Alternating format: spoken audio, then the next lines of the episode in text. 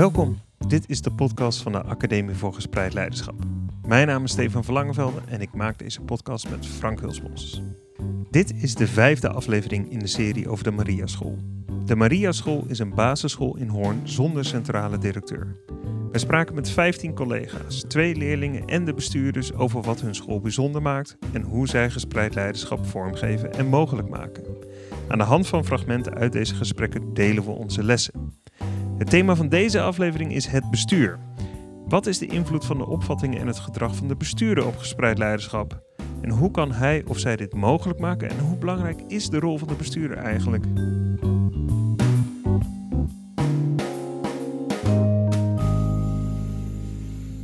Ja, hallo. Welkom bij de vijfde en voorlopig laatste aflevering in onze reeks over de Mariaschool in Hoorn.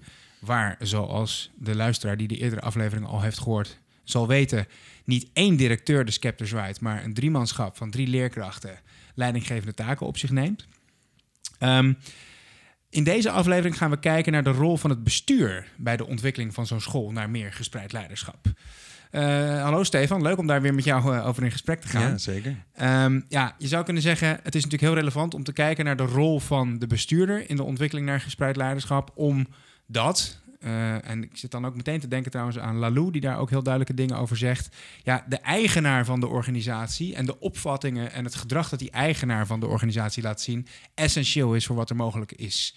Uh, ja, binnen een organisatie om zich te ontwikkelen naar meer gespreid leiderschap. Hè? Ja. En je zou kunnen zeggen, technisch, formeel, ja. uh, in de machtsstructuur bekeken, is de bestuurder eigenaar ja. Uh, of in ieder geval de baas van de Maria School. Nou, zo is het natuurlijk. Ja, dus het, ja, het gaat hier in dit geval over Stichting Penta. Elf scholen zijn daar uh, onderdeel van. En waaronder dus de Maria School. En ja, formeel hiërarchisch is de, de Maria School, ja, is, is het bestuur de baas daarover. Nou, en dat is natuurlijk een manier waarop heel veel scholen werken.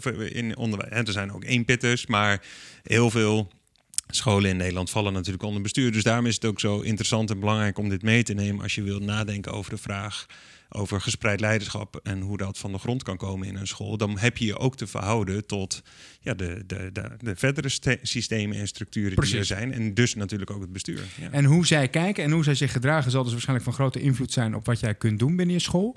Daarom gaan we in uh, deze aflevering uh, kijken naar uh, hoe de huidige bestuurder dat invult. Dat is Gea Koops. Die is sinds een jaar of drie ongeveer bestuurder van Stichting Penta. En daarvoor uh, was het Hans Bouwmeester. En die was dus ook bestuurder ten tijde van de overgang van het directeurschap naar het drietal. Ja. bij de Marierschool. We hebben hen beiden gesproken, vrij lang. Echt anderhalf tot twee uur hebben we hen uh, geïnterviewd. En we gaan in deze aflevering drie vragen proberen te beantwoorden aan de hand van de gesprekken die we, die we met ze hebben gevoerd. Ten eerste kijken we naar hoe zij in algemene zin kijken naar hun rol als bestuurder. Dus ja, wat zien ze nou eigenlijk als hun opdracht en hun verantwoordelijkheid? Meteen daarna kijken we, want dat, die twee vragen hangen heel sterk met elkaar samen. Hoe kijken ze dan naar hun rol ten overstaan of ten opzichte van de elf scholen die onder hen vallen? Dus ja, hoe, zien ze hun, hoe zien ze de verhoudingen tussen hen en die scholen? Dus dat zijn de twee vragen die meer gaan over hun algemene kijk op het bestuurderschap, zal ik maar zeggen. Mm -hmm. En vervolgens zoomen we in op de derde vraag. Hoe kijken ze nou eigenlijk naar gespreid leiderschap? Vinden ze dat een aantrekkelijk perspectief bijvoorbeeld? En hoe kijken ze naar de ontwikkeling? En wanneer ontwikkeling naar gespreid leiderschap mogelijk is binnen een school? Nou, en aan de hand van die drie vragen proberen we een beetje te bepalen van... wat is nou precies de invloed ook van opvattingen en het gedrag van bestuurders... ten aanzien van zo'n school als de Maria School, die zich ontwikkelt naar meer gespreid leiderschap. Ja, en daar gebruiken we weer uh, fragmenten voor uit uh, de gesprekken met, uh, met Hans en Gea. Ja. Zullen we beginnen met de eerste vraag? Lijkt me goed. En het is mijn verantwoordelijkheid om te, zie om te zorgen dat die hele club, al die scholen in samenhang inderdaad mee kunnen bewegen en mee kunnen ontwikkelen. Je begint natuurlijk altijd bij je visie. En dat is hier een koersplan, dus dat is een richting waar gelukkig heel veel ruimte in zit, ook voor verschillen en voor diversiteit.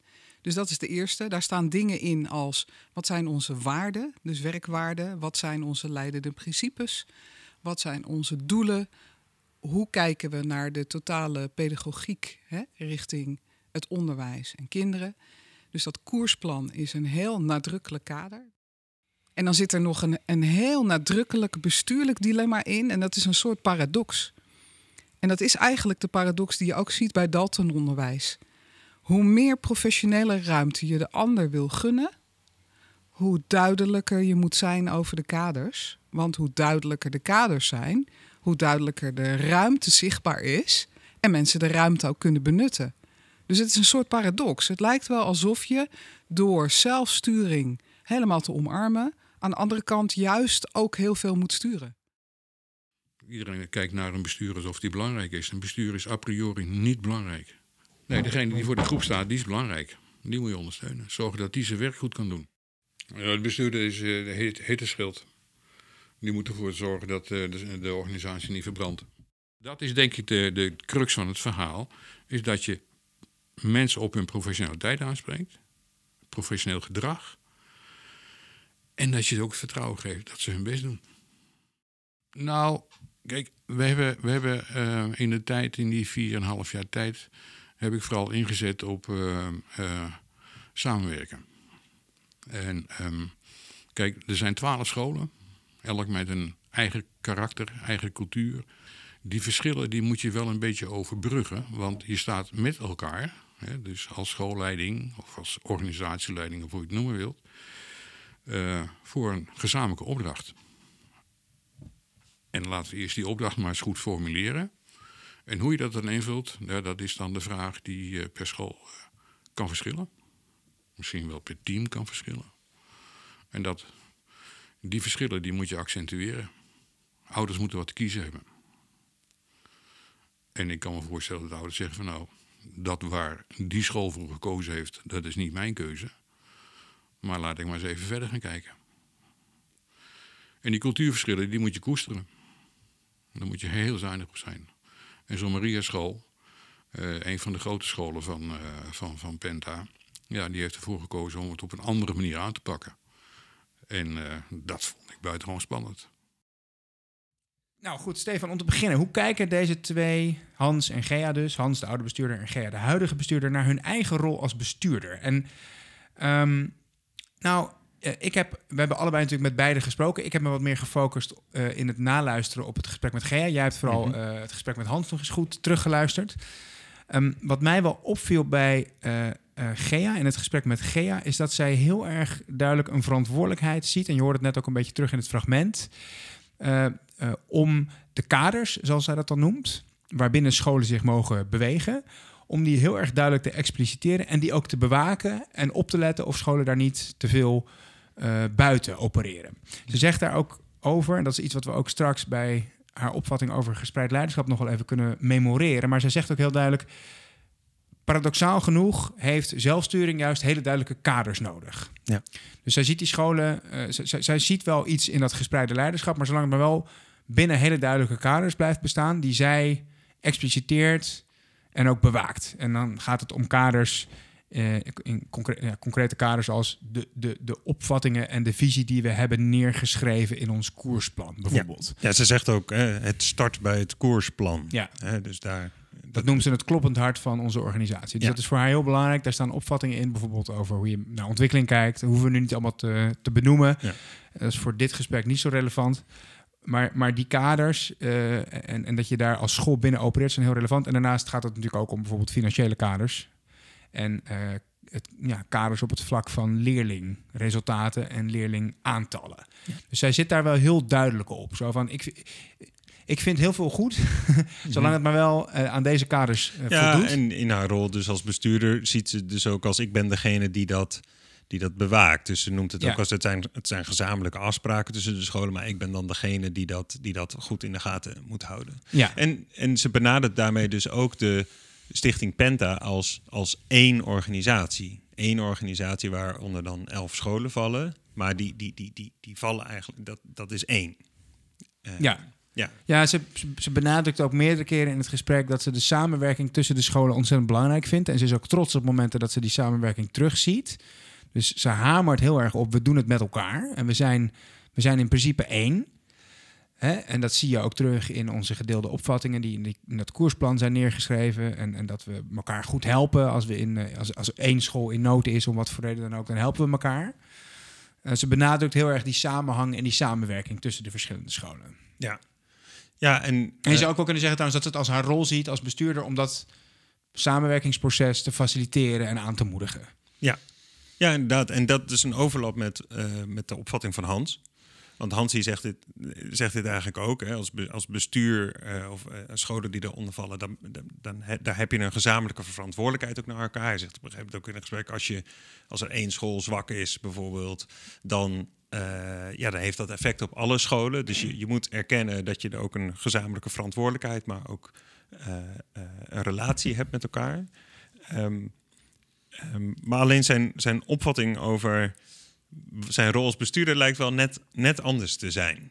Eh, hij zegt ook eh, in, in, in de quote die we lieten horen eh, dat, dat hij zichzelf meer ziet als een hitteschild. Dus iets minder misschien degene die het allemaal overziet en in de gaten houdt.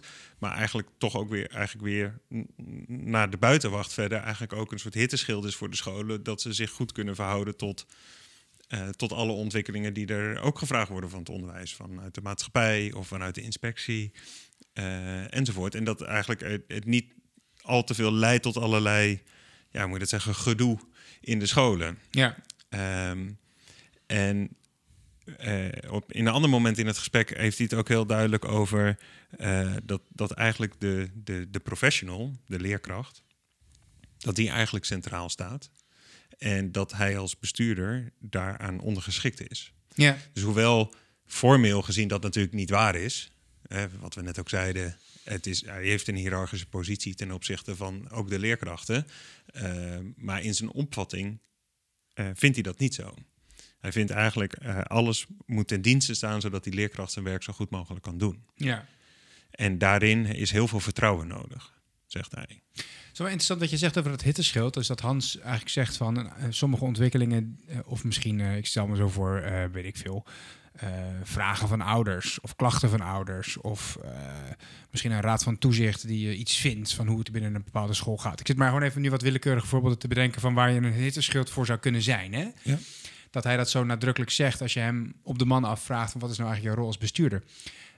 Met Gea hebben we het gehad bijvoorbeeld over eh, de samenwerking tussen de scholen met verschillende kinderopvangaanbieders in de regio. En daar merk je aan dat Gea juist ook heel erg bezig is met hoe kunnen we naar buiten toe eh, het goed doen. Dus hoe onderhouden we zo goed mogelijk relaties met onze partners. En, en als we bijvoorbeeld afspraken uit het verleden hebben met een bepaalde kinderopvangaanbieder, dan moeten we wel goed ervoor zorgen dat we die ja, dat we een, een zorgvuldige afstemming behouden als, op het moment dat we nieuwe afspraken gaan maken met nieuwe eh, kinderopvangaanbieders. En da- da- dan zit zij eigenlijk er heel erg op dat die scholen eh, dat afstemming, dat afstemmen met die omgeving heel zorgvuldig en netjes doen. Ja. Dat lijkt toch net een beetje een andere insteek te zijn dan Hans, die zegt: Ik ben graag een hitteschild voor al dat ge- gedoe, zou ik maar zeggen, wat je rondom zo'n school kunt, kunt hebben. Ja, Of lees ik dat verkeerd? Nou ja, ik, ik denk dat daar zit ook dus iets over wat eh, eh, een opvatting over wat dus de rol van, de, van het bestuur is. En bij Gea lijkt echt iets te zitten van ja, dat wat ons eh, samen bindt. En bij Hans lijkt er veel meer iets te zijn is hoe kunnen we ervoor zorgen dat dit ten dienste staat, zodat de scholen zelf zo goed mogelijk onderwijs kunnen verzorgen. Dus Gea die lijkt iets meer op het niveau te zitten van, nou, vanuit gezamenlijkheid kunnen we ook kijken naar hoe we goed in contact kunnen staan met de omgeving, met eh, kinderopvang in het voorbeeld, maar het kan ook eh, natuurlijk eh, de gemeente zijn en, en andere, andere voorbeelden. Ehm, maar voor Hans lijkt het veel meer primair te gaan over, over het onderwijs. Hoe komt dit het leren van het kind te goede? En overigens zullen ze allebei het om anderen ook belangrijk vinden. Maar daar lijkt een, iets wat een verschil in focus te zitten tussen de Ja. twee. Even dan naar die tweede vraag. Hoe kijken ze nou eigenlijk naar die groep van elf scholen waar zij leiding aan geven? Ik vond dat heel verwarrend in het gesprek met Gea. Want aan de ene kant is ze heel uitgesproken dat ze zegt... wij eh, onderschrijven met elkaar dezelfde visie en uitgangspunten. Zie ons koersplan. Hè? Dus dat, zijn, dat is, onderschrijven wij allemaal. Maar, maar in diezelfde zin, daarna zegt ze meteen... maar er is heel veel ruimte om daar zelf invulling aan te geven. Ja. En dus, dus ze benadrukt aan de ene kant, we zijn een groep, we zijn één organisatie met hetzelfde smoelwerk. Maar iedere school mag dat tegelijkertijd ook, mag ook zijn eigen smoelwerk hebben. Ik vond dat best wel verwarrend. Ja. Eh, van wat is het nou precies? En als je dan doorvraagt op wat zijn dan precies die uitgangspunten die in die visie, die jullie dus blijkbaar allemaal delen, dan zijn het uitgangspunten die best wel algemeen geformuleerd zijn. Zo, We zijn allemaal van de leerling centraal, ik noem maar even wat. Of we zijn allemaal van een brede ontwikkeling voor het kind. Weet je wel, dat ja, de, vakmanschap of zo. Het Ja. zijn natuurlijk allemaal dingen die, die op zich eh, vind ik allemaal hele mooie uitgangspunten. Maar het zijn ook wel vage termen. In ze- Tenminste, het- ja, daar kun je heel veel verschillende invullingen aan geven, zou je bijna kunnen zeggen. Hè? Dus wat, wat is dan, ik vraag me af, wat is dan precies dat smoelwerk wat je naar buiten toe gemeenschappelijk hebt? En waarom is dat dan precies zo belangrijk? En hoe verhoudt het zich dan tot het, tot het tweede uitgangspunt wat je ook uitdraagt? Iedereen mag er toch ook wel zijn eigen invulling aan geven. Had, je, had jij eenzelfde soort ambivalentie binnen het gesprek met, met Hans ge- gemerkt? Of- Ja, nou ja, Hans benoemt dit eigenlijk ook. Dus die, die, die, die, die, ja, het is eigenlijk ook een soort bestuurlijk dilemma. Dus Eh, de enerzijds, wat, wat is dat wat wij delen met elkaar? En, dat is wat, en wat laat ruimte voor ieder om zijn eigen invulling aan te geven. En eh, Hans die benoemt dat ook, dat dat, dat, dat een zoektocht is. Die, maar die benoemt ook van, we zijn één organisatie. Ja, Ja. ja. Nou ja, omdat, omdat er dus wel dus een soort gezamenlijke verantwoordelijkheid is. In de zin van, eh, nou ja, eh, je, hebt, je hebt een bepaalde leerlingpopulatie die je dus bedient. Een regio, zeg maar. In dit geval is het natuurlijk gewoon in Hoorn. Dus een, daar, daar kijk je natuurlijk met elkaar naar. Eh, tegelijkertijd ook het financiële kader wat je dus deelt met elkaar. Ehm, maar ook dus vragen die gaan over, eh, ja, over een soort visie. Maar ik denk dat daar dus een best wel belangrijk dilemma zit. Van en dat wat jij ook zegt. In het formuleren van die visie wordt natuurlijk de vraag van in welke mate helpen die woorden nou voor de scholen om zelf een vertaling te vinden daarvan eh, in hun onderwijs. En in welke mate zijn het ook maar gewoon een soort hele algemene begrippen waar iedereen toch wel achter staat en, en eigenlijk gewoon op zijn eigen manier verder gaat. Want het past toch altijd wel bij die woorden. Ja, want het lijkt, als je de bestuurders spreekt, lijkt het een beetje zo van, nou, dat de volgordelijkheid is... We zijn bij elkaar gekomen als elf schoolleiders, of eh, meer in dit geval, want we hebben natuurlijk een drietal ook. Maar goed, we zijn als elf scholen bij elkaar gekomen, met onder leiding van de bestuurder. Toen hebben we een aantal eh, eh, nou, visionaire afspraken met elkaar gemaakt. En vervolgens zijn de scholen dat gaan doen of gaan uitwerken Ja. binnen hun kader op hun manier. Maar allemaal wel binnen de gemeenschappelijke visie die we hebben afgesproken met elkaar. Als het, dat, dat, dat dat dus de volgordelijkheid is. En ik vraag me toch zeer af of dat zo werkt. Ja, ik denk ook als je, als je natuurlijk, eh, en dat zal niet alleen bij Stichting Penta zijn, maar dat geldt op heel veel scholen, bij heel veel mensen, is ook mijn ervaring op de scholen waar ik kom. Niemand identificeert zich als leerkracht van Stichting Penta of van bestuur X of bestuur Ja. Y. Elke leerkracht zal altijd zeggen: Ik ben ik werk bij de leerkracht. Mariaschool. Ik werk bij de Mariaschool of veel andere namen van de school in. Ja. Ehm, en daar, ik denk dat dat al heel kenmerkend eigenlijk is voor de moeilijkheid die het heeft met zo'n algemene visie en koersplan. Eh, van welke, ja, welke vertaling gaat dat echt hebben naar de, naar de onderwijspraktijk? En, ehm, nou, en daarmee dus ook natuurlijk in het licht van de vraag die we stellen over welke relatie dat heeft met hoe een school georganiseerd is. Eh, kun je dus als bestuur echt een opvatting hebben over hoe scholen hun onderwijs en hun organisatie in moeten richten? Of laat je daar dus alle ruimte voor? Ja, maar we, we stellen dus in ieder geval wel vast dat beide bestuurders eh, het, het idee, eh, hoe zeg je dat, hanteren. Dat, eh, dat, dat die elf scholen eh, één smoelwerk hebben, maar tegelijkertijd realiseren ze zich ook dat het in de praktijk waarschijnlijk lastig is. Dus zeggen ze er meteen achteraan. Maar iedereen mag er ook voor een deel zelf invulling aan geven. Ik, ik vind dat dus een beetje moeilijk te volgen, maar dat, Ja. maar dat is denk ik een soort bestuurlijk dilemma van aan de ene kant wil je dus naar buiten toe een, een gemeenschappelijk idee uitdragen. En, en is het ook belangrijk dat je een beetje dezelfde dingen doet. Maar ja, je snapt ook wel dat iedere school weer anders is. Met een eigen team en een eigen leerlingpopulatie en een eigen geschiedenis. Dus nou, daar moet ook ruimte voor zijn. Ja. Ehm, en ehm, eh, eh, ja, toen je dat net zei van eh, hoe, in hoeverre is het nou eigenlijk zo dat, dat, dat je daar überhaupt sturing aan kunt geven vanuit zo'n bestuurskantoor. Dat- dat- toen moest ik ook wel denken aan onze, aan onze overgang. Wij, op, de, op de ochtend dat we met Gea spraken, waren we eerst op de Mariaschool geweest en hadden we gesproken met twee leerlingen. Weet je nog Ja. van de vorige aflevering? Emma en- Emma en Amarins. Nou, dat was, dan kom je op zo'n basisschool waar het rommelig is en waar, waar het kinderen voorbij rennen en waar, waar heel veel gebeurt en waar, ja, daar is echt reuring, zou ik maar zeggen. En toen, ging, dus, en toen hadden we dat gesprek met Emma en Amarins afgerond. En toen gingen we naar het bestuurskantoor om met Gea te spreken. En toen kwamen we op een industrieterrein in een keurig net eh, eh, ja, steriel kantoorpand. Mhm. eh, waar we Gea aan een prachtige grote tafel spraken. Eh, en we werden netjes ontvangen door haar secretaresse en we kregen een kopje koffie. Dat was eh, allemaal, ja, de, de overgang komt bijna niet groter, hè? Ja. Tussen de, de belevingswereld die ik ervoer, of die we ervoeren op die school, op de Maria School, en vervolgens wat we beleefden op dat bestuurskantoor. Wat, eh, ni- niks ten nadele van de een of de ander, maar de werelden zijn wel heel verschillend, zou je kunnen zeggen. Nou ja, ze en- zien er dus ook letterlijk echt heel anders uit. Dus, Ja, en er wordt andere taal. Ge- Ja. er wordt, er wordt, er gaat misschien voor een deel wel over dezelfde dingen, maar er wordt een hele andere taal wordt er gebruikt om, om die wereld te duiden. Hè, de, ehm, Nou ja, dus eh, eh, eh, ja, het is een andere taal, maar de, de, de- het, het, het zit dus ook een op een ander abstractieniveau. Gaat Precies. het over dingen. Dat merkten wij ook. In ieder geval vooral denk ik heel erg in het gesprek met Gea. Zeg maar, woorden worden snel ook vrij abstracte begrippen. En ja, dat, dat heeft natuurlijk ook gewoon te maken met als je natuurlijk in zo'n kantoor zit en dus ja, letterlijk niet daar bij de scholen bent. En dat is niet zozeer een kritiek, maar wel, dat is wel gewoon wat de situatie werkplek, ja. is. Terwijl als je natuurlijk op de school werkt als leerkracht en ook in dit geval driemanschap eh, natuurlijk ook, want die zijn ook leerkracht daar.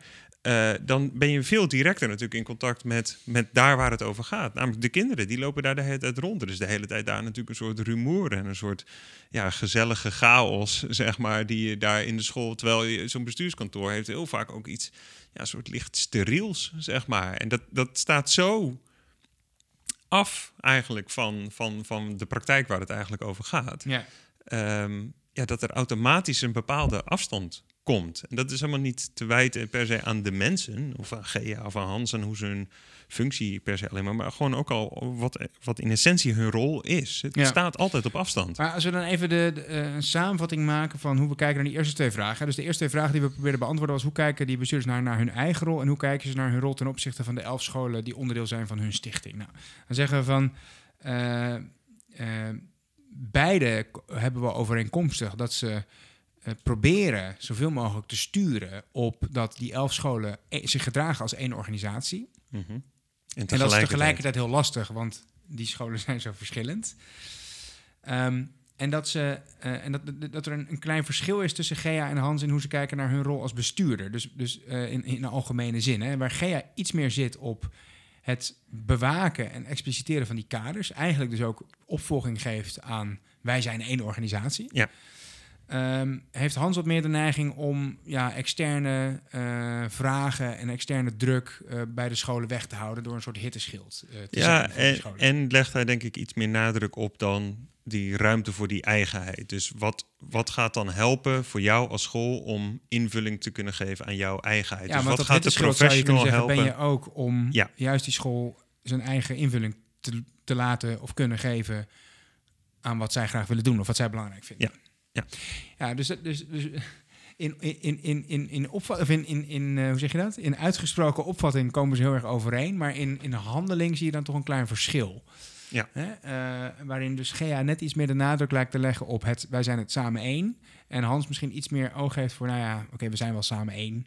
Maar ik moet die scholen ook gewoon wel een beetje beschermen tegen de buitenwereld. En ze daarmee ruimte geven om hun eigen invulling te geven aan dingen. Nou, en daarmee krijg je, denk ik, en dat zal ook een beetje een mooi overgangetje worden naar de, naar de, naar de volgende vraag, de derde vraag.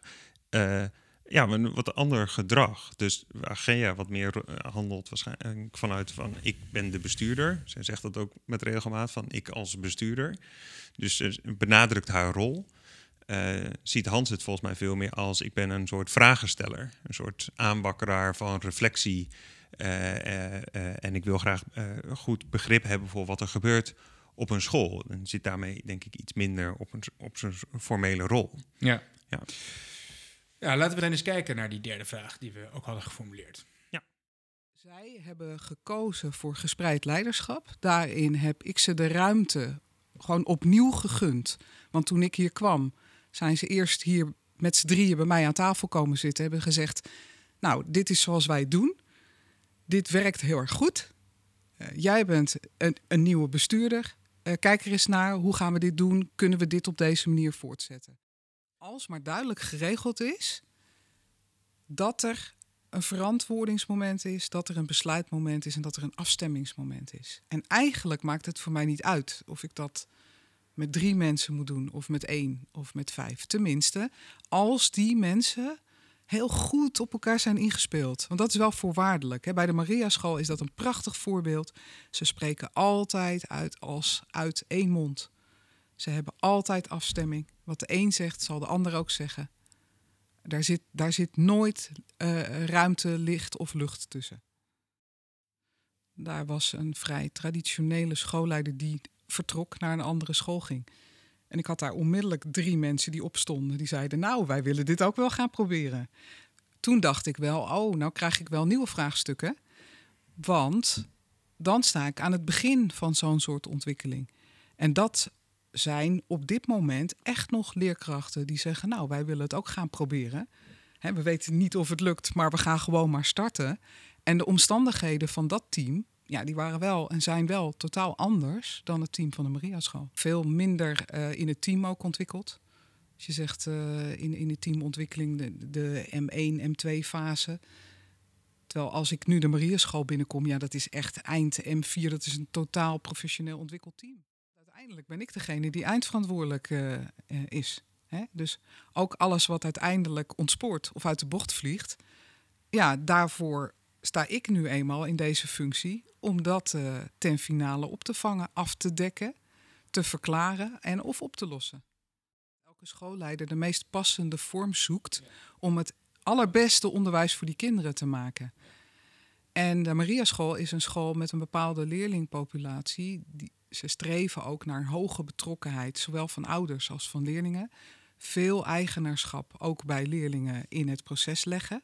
Waardoor die, die uh, betrokkenheid ook op wat kinderen zelf leren en ook wat ouders daarvan kunnen inbrengen in de school, ja, essentieel is voor, voor hun onderwijsproces en hun onderwijsontwikkeling. En er zijn gewoon ook scholen, daar ben ik van overtuigd, ook uit wetenschappelijk onderzoek uh, te lezen en, en dat ook te zien. Waar het eigenlijk van meerwaarde is voor kinderen om dingen aangereikt te krijgen die ze zelf misschien helemaal niet kennen, waar ze geen eigenaar van kunnen zijn. Nou, ik denk dat hij hier, of ik vind dat hij heel sterk en heel goed is ingezet op het team. Werk als team. Um, en dat heeft er ook toegeleid dat de keuze er gemaakt is in de tijd, uh, vier jaar geleden, vijf jaar geleden. Al langer, zes denk ik wel om uh, toen de schoolleider hier vertrok. Uh, en er het voorstel kwam van kunnen wij dat uh, met z'n drieën gaan doen? Dat ik toen gezegd heb, ja graag, ga je gang. Laat zien wat je kunt. Um, want ik wist dat er een team stond. En als er geen team had gestaan, dan denk ik dat ik geen ja had gezegd. Ik denk dat initiatieven beloond worden. En dat is de waarde. Mensen worden gewaardeerd naar hun kwaliteiten. Dat geldt voor medewerkers, maar dat geldt ook voor leerlingen. En daar zit volgens mij uh, de pit van het hele verhaal. Is dat je initiatieven beloont of waardeert door te zeggen van oké, ga je gang. Dat wat ik gezegd heb tegen uh, Suzanne, uh, Ineke en Jort, ga je gang. Maar maak wel een plan. Er was nog een school, een, van de scholen die, die, dit ook wilde. En um, um, daarvan heb ik gezegd, jullie zijn nog niet zo ver. Laat daar nou eerst maar een schoolleider proberen van jullie een team te maken... voordat je die stap gaat zetten. Een klassiek georganiseerde school kan voor sommige mensen, en voor mij niet, hè, omdat ik van ander hout ben gesneden... maar voor sommige mensen buitengewoon inspirerende omgeving zijn. Ik zou daar helemaal lam geslagen worden. Ik zou liever op een school als deze werken, waar ik uitgedaagd word als medewerker. Maar ik kan me voorstellen, en, en dat is de reden waarom ik geen over heb. Ja, Stefan, de derde vraag die we proberen te beantwoorden is: hoe kijken deze bestuurders nou naar gespreid leiderschap op zichzelf? En ook hoe kijken ze naar de ontwikkeling uh, en hoe dat proces van ontwikkeling binnen een school naar meer gespreid leiderschap vorm zou kunnen krijgen en onder welke voorwaarden. Dus die gaan we proberen beide een beetje af te pellen voor Gea en voor Hans. Ja, op een gegeven moment hebben we Gea gewoon recht op de man afgevraagd. Hè, van, uh, vind jij uh, het een, zie je het als een persoonlijke ambitie dat iedere school zich ontwikkelt naar meer gespreid leiderschap? En haar antwoord was denk ik heel veelzeggend. Ze zei nou nee, dat vind ik helemaal niet. Ik heb daar geen opvatting over. Het gaat mij om eh, dat iedere school zich ontwikkelt naar een, naar een situatie, naar een leiderschapspraktijk die past, of die het beste is voor de kinderen. Die dus tot de beste resultaten en de beste ontwikkeling van kinderen eh, zorgt. Ja. Ja, dus ze heeft in feite daarmee zegt ze: ik heb geen opvatting over hoe zo'n school zich organiseert en hoe mensen samenwerken. Zolang het maar ten dienste staat van ja, de, de resultaten van kinderen. Ja. Eh, en Hans die zegt... en Hans zegt in feite hetzelfde. Ja, die zegt, die zegt eigenlijk ex- exact hetzelfde, gebruikt iets andere woorden. Maar Hans, Hans die, die, die, die benoemt het als... eh, ik heb wel een persoonlijke voorkeur. Uh, Hans die zegt ook, ik, ik zou zelf beter passen in een omgeving... waar veel meer ruimte is voor initiatief eh, en, en, en, en Ja, dus hij heeft dan, persoonlijk, dan persoonlijke voorkeur, zou je bijna kunnen zeggen. Maar hij zegt ook heel expliciet, want we hebben hem deze vraag ook gesteld. Hij zegt heel expliciet... Uh, het, het, het, ik kan me prima voorstellen dat iemand in een hele uh, meer hiërarchische, gestructureerde organisatie ook kan floreren. Ja, als ik dan even heel uh, vervelend vind ik een beetje kleurloos, eerlijk gezegd. Nou, dus het is een het is, het, het, althans, ja, nat, nat, je zou kunnen zeggen, natuurlijk willen we dat de resultaten van kinderen goed zijn. Um, maar vinden we dan echt alles qua samenwerking, leiderschap en organisatie goed als het dat maar bedient? Hè, dus dan, zou, dan zeg je in feite ook van een hele directieve uh, dominante, uh, controlerende leider kan dan dus ook wenselijk zijn. Nou ja, dus de, ja, ik denk zeker dat dat, dat, dat erin zit. Uh, want nou ja, Gea die, die lijkt als, als, als criterium te hanteren voor wanneer het goed is, is wanneer de resultaten ja, op orde zijn. En resultaten kun je breed zien. Je kunt natuurlijk enerzijds de meetbare resultaten uh, natuurlijk pakken. Daar, daar zal de inspectie ook vooral goed op letten.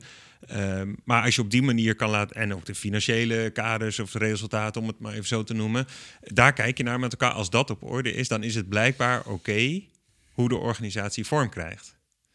En dat is eigenlijk een hele interessante, ja, vind ik, opvatting. Want um, dat betekent dus dat, dat het dus alleen maar uitmaakt dat wat je op papier zeg maar, zichtbaar kan maken op, als resultaten, dat neem je heel erg als leidend. En vervolgens heb je eigenlijk helemaal geen opvatting over hoe de organisatie vorm krijgt. Ja, en uh, Gea gaat daar nog één stapje verder in. Die, die, die, die, legt op, die, die zegt op een gegeven moment dat uh, het bij de Maria School werkt omdat de leerlingpopulatie daar uh, ja, bij past. Dus de leerlingpopulatie. Hans heeft het trouwens ook benoemd. Hè. Hij benoemt dan op een gegeven moment dat uh, de Maria School in het centrum van Hoorn zit, Hoorn zit en dat er toch wel wat, uh, nou, dat zijn ho toch hoogopgeleide mensen over het algemeen en die snappen dit wel. Hè, dus zo van. Beide lijken daarmee een beetje te impliceren. En ik denk dat Gea het bijna zelfs expliciet zegt... dat omdat die leerlingpopulatie het aan kan... en er, en er aan, aan toe is of daartoe uitgerust is... kan zo'n leiderschapspraktijk, zoals we dat zien bij de Maria School. En ik, ik denk dat dat echt uh, niet strookt met de werkelijkheid. Ik denk dat de werkelijkheid uh, stelt, of laat zien... dat er een aantal mensen binnen die school rondliepen... die een hele duidelijke opvatting juist hadden... over samenwerken, organiseren en leiderschap. In het bijzonder uh, Suzanne en Ineke. En dat ze daar opvolging aan hebben gegeven. Bijvoorbeeld door te zeggen, we gaan niet verder met één directeur... maar we gaan het met z'n drieën doen. En, en, andere dingen die ze binnen die school doen. Dus, um, en de leerlingpopulatie verandert dan vervolgens wel mee... Ja, dus kinderen als Emma en Amarins beginnen op een gegeven moment door te hebben van oh, het werkt hier anders. En nou, dat vinden we wel leuk. En we gaan zelf ook proberen invloed uit te oefenen op uh, hoe het in de ja. school gaat. Maar dat ja, volgens mij bedoel je dan niet te zeggen dat de populatie mee verandert. Want dat lijkt misschien op dat er op een gegeven moment ook ander soort leerlingen aangetrokken worden. Maar je nee, bedoelt, bedoel, de leerlingen leren iets de, anders. De leerlingen, ja. Binnen zo'n context leren die leerlingen dus iets ja. anders. En, en dan ga je op een gegeven moment zien dat die leerlingpopulatie inderdaad ja, dat heel erg snapt en onderschrijft en daar ook naar handelt. Nou, en dat ze zich de, ja, dus op die manier gaan ontwikkelen. Maar Hans ja. en Gea lijken wel de, de, de, de, de, de, de, de, de oorzakelijkheid andersom te zien. Ja. Er is dus een leerlingpopulatie die wel of niet geschikt is voor een gespreide leiderschapspraktijk. Maar er zijn ook leerlingpopulaties die gewoon een hele directieve vorm van leiderschap en een directieve vorm van leren nodig hebben. Ja, en daarmee dus ook, uh, zeg maar, dat is dan natuurlijk de parallel, de leerkracht. Dus er ja. zijn leerkrachten die floreren meer bij een soort platte organisatie waarin heel veel ruimte is voor jouw initiatief en uh, verantwoordelijkheid. Uh, en er zijn leerkrachten die beter gedijen bij een heel duidelijk gestructureerde organisatie met een duidelijke hiërarchie. Ja. Maar het interessante is, ik merk in ieder geval ook in het gesprek met Hans, hij heeft hele duidelijke opvatting ook over leren. Uh, dus uh, over, over, over hoe het leren van een leerling vorm zou kunnen. Heeft bijvoorbeeld gecharmeerd van het Agora-onderwijs. Ja. Um, ook het inzetten op eigenaarschap. In ieder geval heel veel van de leerprincipes die natuurlijk eigenlijk de Maria School zelf ook heel erg omarmt. Ehm, en hij, hij kan ook heel duidelijk benoemen wat er allerlei waarde is, zeg maar, van dat wat er op de Maria School gebeurt. En hij, ziet, uh, hij, hij, zegt mensen die zijn, zijn, hier, zijn hier blij, zijn hier heel betrokken. En hij zet dat ook af tegen wat hij op andere scholen gebeurt. Dus hij zegt hij, en dat zie ik op andere scholen minder. Ja. Dus ik, ik vind het zo interessant dat, dat, dat enerzijds in het verhaal, en dat zit bij Gea voor mijn gevoel ook een beetje, dat, dat in het verhaal enerzijds er wel een soort opvatting is over wat goed organiseren is. En dat ligt wel iets meer in lijn van gespreid leiderschap en ruimte voor initiatief en het, uh, uh, op basis van kwaliteiten van mensen en daar ruimte aan geven. En, maar dat als we dan direct vragen naar, maar is dit dan iets nastrevenswaardig voor alle scholen? Dan is het antwoord nee. nee als het puntje bij paaltje komt, dan tellen toch denk ik de kaders. En uh, ja, dat, dat, dat, dat, dat wordt ook wel duidelijk, denk ik. Want het is natuurlijk ook vaak interessant om te kijken naar hoe iemand zich gedraagt. Hè. Als je niet helemaal zeker weet hoe denkt iemand, nou, dan moet je misschien ook kijken naar hoe iemand zich gedraagt. Mhm. Uh, we hebben het met Gea ook vrij uitgebreid gehad over een andere school binnen de stichting die ook een dergelijke ontwikkeling zoals de Maria School heeft meegemaakt, wil doormaken. Dat is de school Dynamisch. En ja, Gea geeft daar eigenlijk van aan van nou, ik, ik weet niet of ik dat helemaal zag zitten. Ik denk dat het team daar nog niet helemaal aan toe was. Nou, toch gedaan, hè, want uh, nou ja, uh, gespreid leiderschap is belangrijk. Dus ik wil het toch op een of andere manier wel mogelijk maken. Um, en uh, toen hebben ze twee dingen gedaan die ik heel interessant vind in dat kader. Die, die volgens mij laten zien dat ze het eigenlijk ook best wel heel spannend vindt. En dan, het eerste is dat ze er een supervisor op hebben gezegd. Nou, we hebben het met Gea uitgebreid gehad over... is een supervisor nou wel of niet iemand die toezicht houdt. Maar volgens mij was deze supervisor zijn rol om in de gaten te houden... dat de kaders niet werden overtreden. Dus dat is volgens mij een vorm van toezicht houden. Mm -hmm. uh, en uh, op een gegeven moment is een van de drie, een van de drie daar gestopt... en zijn ze doorgaan als duo. Dus ja, dan, dan, dan doe je eigenlijk ook al het idee van het drietal... en het idee van gespreid leiderschap binnen de Maria School, zoals het binnen de Maria School is ontwikkeld, enigszins geweld aan, zou je kunnen zeggen. Hè, dus uh, wat je volgens mij ziet, is op het moment dat het echt spannend... En het was allemaal het gevolg eigenlijk van momenten dat die kaders dreigden te worden overtreden. Bijvoorbeeld de resultaten vielen wat tegen, het leerlingaantal uh, viel wat tegen... en ook een schoolplan wat er moest komen, kwam er maar niet. En dus dat, dat zijn momenten dat die kaders worden overtreden. Op het moment dat dat gebeurt, dan heeft in ieder geval Gea de neiging... om iets meer regie weer terug te pakken. Ja. Uh, maar je zou, en dat is, dat is misschien begrijpelijk, ze is eindverantwoordelijk en ze vindt die kaders heel belangrijk en ze hebben er samen afspraken over gemaakt. Maar je zou ook kunnen zeggen, juist op het moment dat het spannend wordt en dat het niet helemaal lukt, is een uitstekend moment om te kijken hoe kunnen we het zo doen dat het wel, hè, dat we die resultaten wel bereiken. Het is ook een moment, zou je kunnen zeggen, om juist te leren om het in zo'n nieuwe organiseervorm voor elkaar te krijgen. Nou ja, als je in dus... plaats van terug te vallen, of deels terug te vallen, Ja. op uh, wat, ja, het, het meer klassieke, Nou, en eh, dan, en dan de meer klassieke vorm. En dan zou het denk ik dus helpen als je e- enigszins uitgesproken bent over je opvatting over welke vorm van organiseren je voorstaat.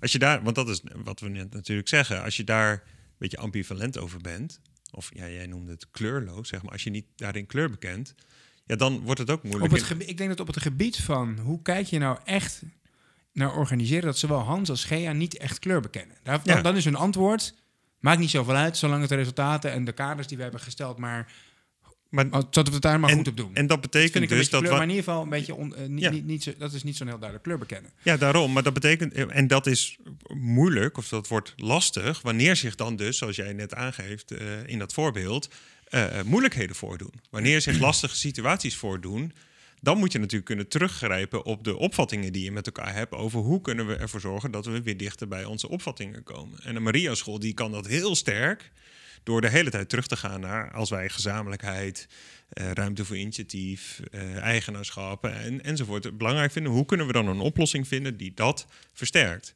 Maar als je daar niet zo'n sterke opvatting over hebt, ja, dan kan het dus gebeuren in het voorbeeld van wat jij net geeft, dat je dus eigenlijk ook weer een beetje terug gaat naar, naar een andere visie, namelijk eentje van er moet duidelijk regie genomen worden en er moet een duidelijke structuur en een eh, hiërarchie zijn. Ja, tot nu toe zijn we dan natuurlijk best wel streng. Hè? Zo van, nou, Ja. het is een beetje kleurloos. En het is, het is eh, op het moment dat het puntje bepaald is, dan komt, eh, heeft Gea dan misschien toch de neiging om weer de regie terug te pakken. Maar dat heeft denk ik voor een groot deel te maken met dat zij een dilemma ervaart tussen aan de ene kant wil ze eigenlijk heel graag die principes van bijvoorbeeld gespreid leiderschap, zelfsturing enzovoorts in de praktijk brengen. Ja. En tegelijkertijd voelt ze En dat is, dat is voor ons natuurlijk heel makkelijk om dat uh, van een afstandje allemaal even makkelijk te negeren. Maar zij voelt natuurlijk tegelijkertijd ook de verantwoordelijkheid, de eindverantwoordelijkheid, om voor al die verschillende scholen uh, goede resultaten te boeken. Om, om, die scholen te helpen, om het go goede leerlingaantallen te hebben. Uh, en op het moment dat dat onder druk komt te staan, dan voelt ze zich natuurlijk direct persoonlijk verantwoordelijk. Ja, dus het komt uit een goede, goede bron, zou je kunnen zeggen. Ja, het, is een lastig dilemma. ja, daarom. Nee, maar dat, dat is waar we natuurlijk begrip voor willen hebben. Dus daarom, we willen hier natuurlijk niet een soort hard oordeel over vellen van het is fout wat ze doen. Maar het is wel interessant, want we merken wel dat het effect heeft op wat er gebeurt. Want wat we denk ik ook merken in het belang van die rol van de bestuurder als het gaat over gespreid leiderschap. We hebben het natuurlijk met Hans gehad over ja, hoe dat proces zo is verlopen dat uiteindelijk uh, dat driemanschap er kwam. Want hij was toen de bestuurder en er was een directeur en die directeur die ging weg. En toen zijn eigenlijk deze drie, uh, Ineke, Jort en Suzanne, eigenlijk het gesprek aangegaan. Of het was eigenlijk al, uh, vertelde hij, dat ook al de vorige directeur onderdeel was van dat gesprek. Van ja, er moet eigenlijk geen vervanger van mij komen. Kan er niet een driemanschap verder gaan? En um, ja, hij vertelt over dat hij heel veel vertrouwen had in dat driemanschap, omdat hij zag hoe zij werkte en dat ze met een hele, in een, een hele professionele manier van omgaan hadden met elkaar. Dus ze waren reflectief, ze, ze, waren scherp naar elkaar, maar ze konden ook plezier hebben, zeg maar. Dus ze, konden, ze hadden een hele goede samenwerking. En hetzelfde zag hij ook in het team in de, in de school. Want hij zag eigenlijk een soort, zoals hij het noemt, een professionele cultuur. Ja. Waarin dus veel geleerd wordt van elkaar, waarin een lage drempel is om naar elkaar toe te stappen, waarin mensen ook scherp durven zijn, dingen durven te zeggen waar ze mee zitten, maar ook initiatieven durven te nemen, enzovoort. Dus dat, dat is voor hem heel duidelijk heel voorwaardelijk geweest om uh, te besluiten dat het toegestaan is dat er niet ja. één directeur komt. En, je zegt, en je dit is waar het interessant wordt. Je zegt inderdaad precies, ja. dat is volgens mij ook exact hoe G er naar kijkt. Um, teams kunnen overgaan tot gespreid leiderschap op het moment dat ze daar in mijn ogen, even als bestuur, in de ogen van mij als bestuurder, aan toe zijn. En ik heb er een aantal uh, nou, criteria voor. Uh, Hans heeft het bijvoorbeeld inderdaad over de professionele organisatie. Nou, ze kijken ook heel erg naar de in, uh, G heeft het ook heel erg over de interrelationele verhoudingen binnen zo'n team. En over de, de, de, de fase van teamontwikkeling waar zo'n team dan is. En dus, maar hoe dan ook, even los van alle precieze voorwaarden die ze stellen, beide zijn van mening in de kern, als je kijkt naar hoe ze, hoe ze zich gedragen op dat soort cruciale momenten van een school die die stap wil zetten, beide zijn van mening dat een school eerst moet voldoen aan een aantal voorwaarden. Die worden vervolgens goedgekeurd of, of bekeken door hen. Ja. En, als, en dan geven zij er al dan niet goedkeuring aan. Ja. Bijvoorbeeld Hans heeft ook in eerste instantie gezegd... ja, jullie mogen het wel doen... maar dan wil ik wel dat er nog een directeur een tijdje boven jullie... of er nog, bij, de, nog boven hangt. Dat, dat, dat, was een van de voorwaarden die hij in allereerste instantie stelde. Ja. Dat hebben Suzanne, Ineke en Jort toen van gezegd... dat willen we niet. Hè? Dus uh, die zijn heel standvastig geweest. Maar hoe, je ziet in al dat soort, op al dat soort cruciale momenten... dat ze dat ze, dat ze voorwaarden stellen en dat zij, de, dat zij zichzelf zien als degene die uh, bepalen of aan die voorwaarden wordt voldaan. Nou, en, daarmee, en dat is een hele interessante opvatting over de ontwikkeling naar gespreid leiderschap. Ja. Die kan je dus pas doormaken als je, als je eigenlijk... Eigenlijk is het geen ontwikkeling. Nee. Eigenlijk moet Je je, moet het al je kunnen. al zijn. ja. Moet je het al kunnen. En Ja. dan mag je het gaan doen. Ja. Je, dat is prima. Dat is, we gaan eh, even zonder oordeel. Maar je zou ook kunnen zeggen... nee, dit is juist iets wat je moet meemaken. Dus je hoeft nog helemaal niet per se aan al die voorwaarden... We snappen wel dat er voorwaarden zijn waar je aan moet voldoen... om dit goed in de praktijk te brengen. Bijvoorbeeld, je moet elkaar goed kunnen aanspreken... Je moet, enzovoort. Maar dat kun je ook leren onderweg. Nou ja, en misschien moet je dat zelfs wel leren onderweg. Hè? Onze, onze les 3 van de vorige aflevering, indachtig. Dit soort dingen leer je niet van tevoren op een cursus of zo. Die moet je misschien juist in de praktijk uitproberen, op je bek gaan. Sorry dat ik het zo zeg. En dan daar weer van leren met elkaar. En het in een volgende situatie weer beter doen. Misschien heb je juist wel die praktijkervaring nodig en een goede ondersteuning uh, van, uh, nou, van iemand anders die meekijkt. Om dat je eigen te maken. Ja, dat natuurlijk. Als het gaat over zeg maar, een soort vertrouwen in je kunt je hier naar, naar ontwikkelen. Uh, overigens hoor ik bij Hans in ieder geval, en ik denk bij Gea ook wel, dat ze ook natuurlijk heus wel niet verwachten dat het een soort perfect is en zo. Maar het is ook wel duidelijk dat ze wel een soort minimum eis stellen. Maar uh, in ieder geval in het punt wat je maakt, zeg maar, over um, de volgordelijkheid ervan. Kun je, moet je nou eerst aan gespreid leiderschap toe zijn voordat je gespreid leiderschap uh, kan Voordat je toepassen. dingen kunt doen in je structuur, Ja. bijvoorbeeld, die daar. Dat is passen. natuurlijk een. eh, dat is natuurlijk, wat mij betreft, gewoon eh, fundamenteel eh, tegenstrijdig. Als in, je kunt niet eerst iets leren, eh, samenwerken en zonder hiërarchie werken, om dan vervolgens zonder de hiërarchie te kunnen gaan werken. Je kunt het pas leren wanneer de hiërarchie Ja, er daadwerkelijk is. niet is. Dus ehm, het- het is heel raar om, om te verwachten dat er een professionele cultuur ontstaat waarin mensen laagdrempelig en makkelijk en plat naar elkaar toe lopen, terwijl er wel een soort hele duidelijke formele hiërarchie is. Ehm, zodat ze dan daarna kunnen breken met die hiërarchie. Dat, dat, dat, dat, dat kan niet. Je kunt pas leren omgaan met die situatie als je daadwerkelijk in die situatie zit. Ja. En kijk, bij deze school, bij, bij de Mariaschool is het zo dat de, de vorige directeur hier volgens mij ook een belangrijke rol in heeft gespeeld. Dus die, die had ook al zo'n visie van je moet inzetten op het team. En ik denk dat er heel veel directeuren zijn die natuurlijk zo'n visie hanteren. Dus het is misschien ook weer niet zo zwart-wit als het stellen. Je kunt je denk ik heus wel in een bepaalde mate toegroeien als team. En dat het, wat, dat het makkelijker wordt, zeg maar, om om een stap te zetten naar bijvoorbeeld het doorbreken van de hiërarchie en helemaal geen directeur meer te hebben. Maar wij hebben het natuurlijk over eh, eh, eh, gespreid leiderschap in een meer ideële zin. Van is dat een manier die gaat helpen om veel meer ruimte te gaan bieden voor professionals? En dan zou je zeggen, als je dan de opvatting hebt, je moet eerst binnen de bestaande structuur laten zien dat je het kan voordat je mag breken met die structuur, is ja, gaat nooit helpen om uiteindelijk echt, echt ruimte te gaan bieden aan gespreid leiderschap en iedereen de gelegenheid te geven om zich daarin te ontwikkelen. Want dan is het alleen maar voor de happy few die toevallig binnen het bestaande wel kunnen. Ja. Oké, Stefan. Nou, ehm, we hebben het gehad over de opvattingen en het gedrag van eh, de bestuurders, eh, Hans en Gea. Eh, we stellen vast dat, ehm, nou, beide wel eh, het idee eh, onderschrijven dat zo'n groep scholen die onder hen vallen, dat het, dat het ja, één smoelwerk heeft. Dat het één organisatie is. En dat het tegelijkertijd lastig is, want in de praktijk zijn iedere, is iedere school natuurlijk ook weer anders.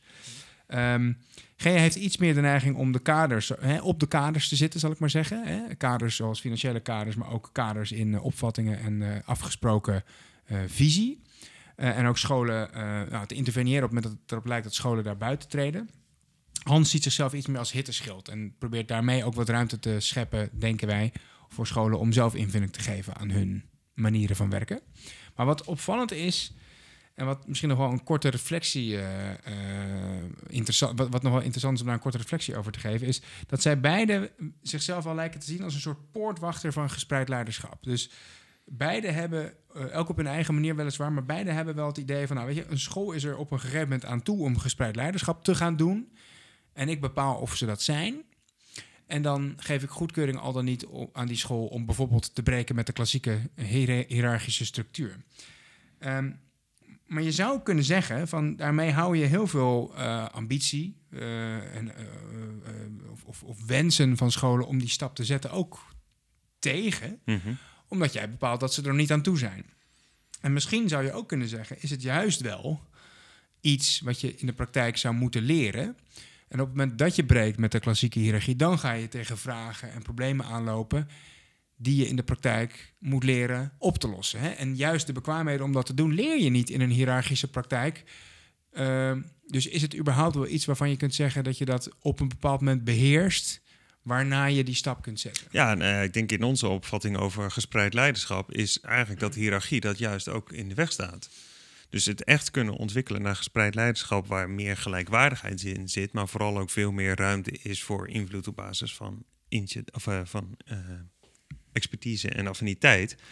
Ja, dan is hiërarchie daar juist vaak onderdrukkend. In ja, dus leer je überhaupt wel de bekwaamheden die je nodig hebt in zo'n gespreide leiderschapspraktijk binnen een hiërarchische structuur? Nou, wij denken eigenlijk van Ja, wij niet. denken van niet. En dan is het, en dat is waar we het natuurlijk in het gesprek net ook over hebben gehad, dan wordt het in mijn ogen dus lastig wanneer eh, in zo'n eh, formele rol als het bestuur, waarin heel duidelijk heel veel invloed ligt op wat er dus uiteindelijk zo'n school in eh, keuzes kan maken in of zij wel of niet bijvoorbeeld in dit geval met een driemanschap willen werken, dat de bestuurder speelt daar een hele belangrijke rol in, want die kan gewoon nee zeggen als in de opvattingen van de bestuurder niet zit dat dat een, een, een richting is, dan was het niet doorgegaan. Dat is de kwetsbaarheid er in ieder geval van. Maar dat betekent dus ook, dat waar we het net over hadden, dat wanneer je hiermee wil breken en echt meer ruimte voor gespreid leiderschap zou willen eh, ehm, mogelijk maken, je dus ook een opvatting moet hebben over wat, wat organiseren is. En dat is wat we merkten, wat bij Hans en Gea ja, niet heel, per se heel duidelijk naar voren kwam. Die Ja. waren daar wat minder uitgesproken over. Ja, en En dat betekent een opvatting over organiseren en ook inderdaad een duidelijke opvatting over hoe je eh, daartoe kunt ontwikkelen. hè. Dus je zou best wel kunnen nadenken over, je hoeft het niet helemaal los te laten, je zou best wel kunnen nadenken over, oké, in principe is mijn uitgangspunt dat iedere school die dat wil en waar het team het onderschrijft en ondersteunt, een stap kan zetten naar meer gespreid leiderschap. We weten dan nu al zeker dat die school tegen allerlei problemen en vragen aan gaat lopen, maar we denken heel goed na over een soort leer, nou ja, ondersteuning of een Ja. leercultuur en ondersteuning waarbij, waarbij we die, waarmee we die school kunnen helpen om die ontwikkeling door te maken. Nou, ehm, ja, dat is misschien wel een mooie afsluiter voor deze aflevering. Waarin Ja. we eh, hebben geprobeerd om zicht te krijgen op de rol van bestuur bij eh, de ontwikkeling naar gespreid leiderschap. En ook de dilemma's waar een bestuurder tegenaan loopt en hoe die daarvanuit zijn gedrag vormgeeft. Ehm, mocht je nog luisteren eh, en het leuk hebben gevonden, geef ons dan vooral een positieve rating of review in je favoriete podcast-app. Mocht je vragen of opmerkingen hebben naar aanleiding van de aflevering of naar aanleiding van de hele podcastreeks over de Maria School, mail ons dan vooral op contact@gespreidleiderschap.nl. En je kunt ook op onze website, dat is dus gespreidleiderschap.nl, kijken voor meer informatie over gespreid leiderschap en andere afleveringen van onze podcast. Van Ja, en dit is dus eh, de laatste aflevering eh, in Ja, deze ik zou zeggen, de, in ieder geval de voorlopig laatste. Wie weet komt er naar aanleiding van deze laatste aflevering nog wel een nieuwe. Maar in ieder geval voorlopig de laatste. Ja, En we, nou, zien jullie, we horen jullie graag terug. We zien jullie graag terug bij een, eh, bij een volgende. En we willen natuurlijk ook graag alle collega's en leerlingen van de Maria School bedanken voor hun gastvrijheid en input voor deze podcastreeks. Het gaat om leerkrachten Annelies, Annemiek, Carlijn, Gerza, Drita, Erwin, Esther, Ineke, Sjane, Jort, Kirsti, Marieke, Nike, Suzanne, Tessa en leerlingen Amarins en Emme. En in het bijzonder natuurlijk ook de bestuurders Hans en Gea. Tot de volgende keer. Tot de volgende keer.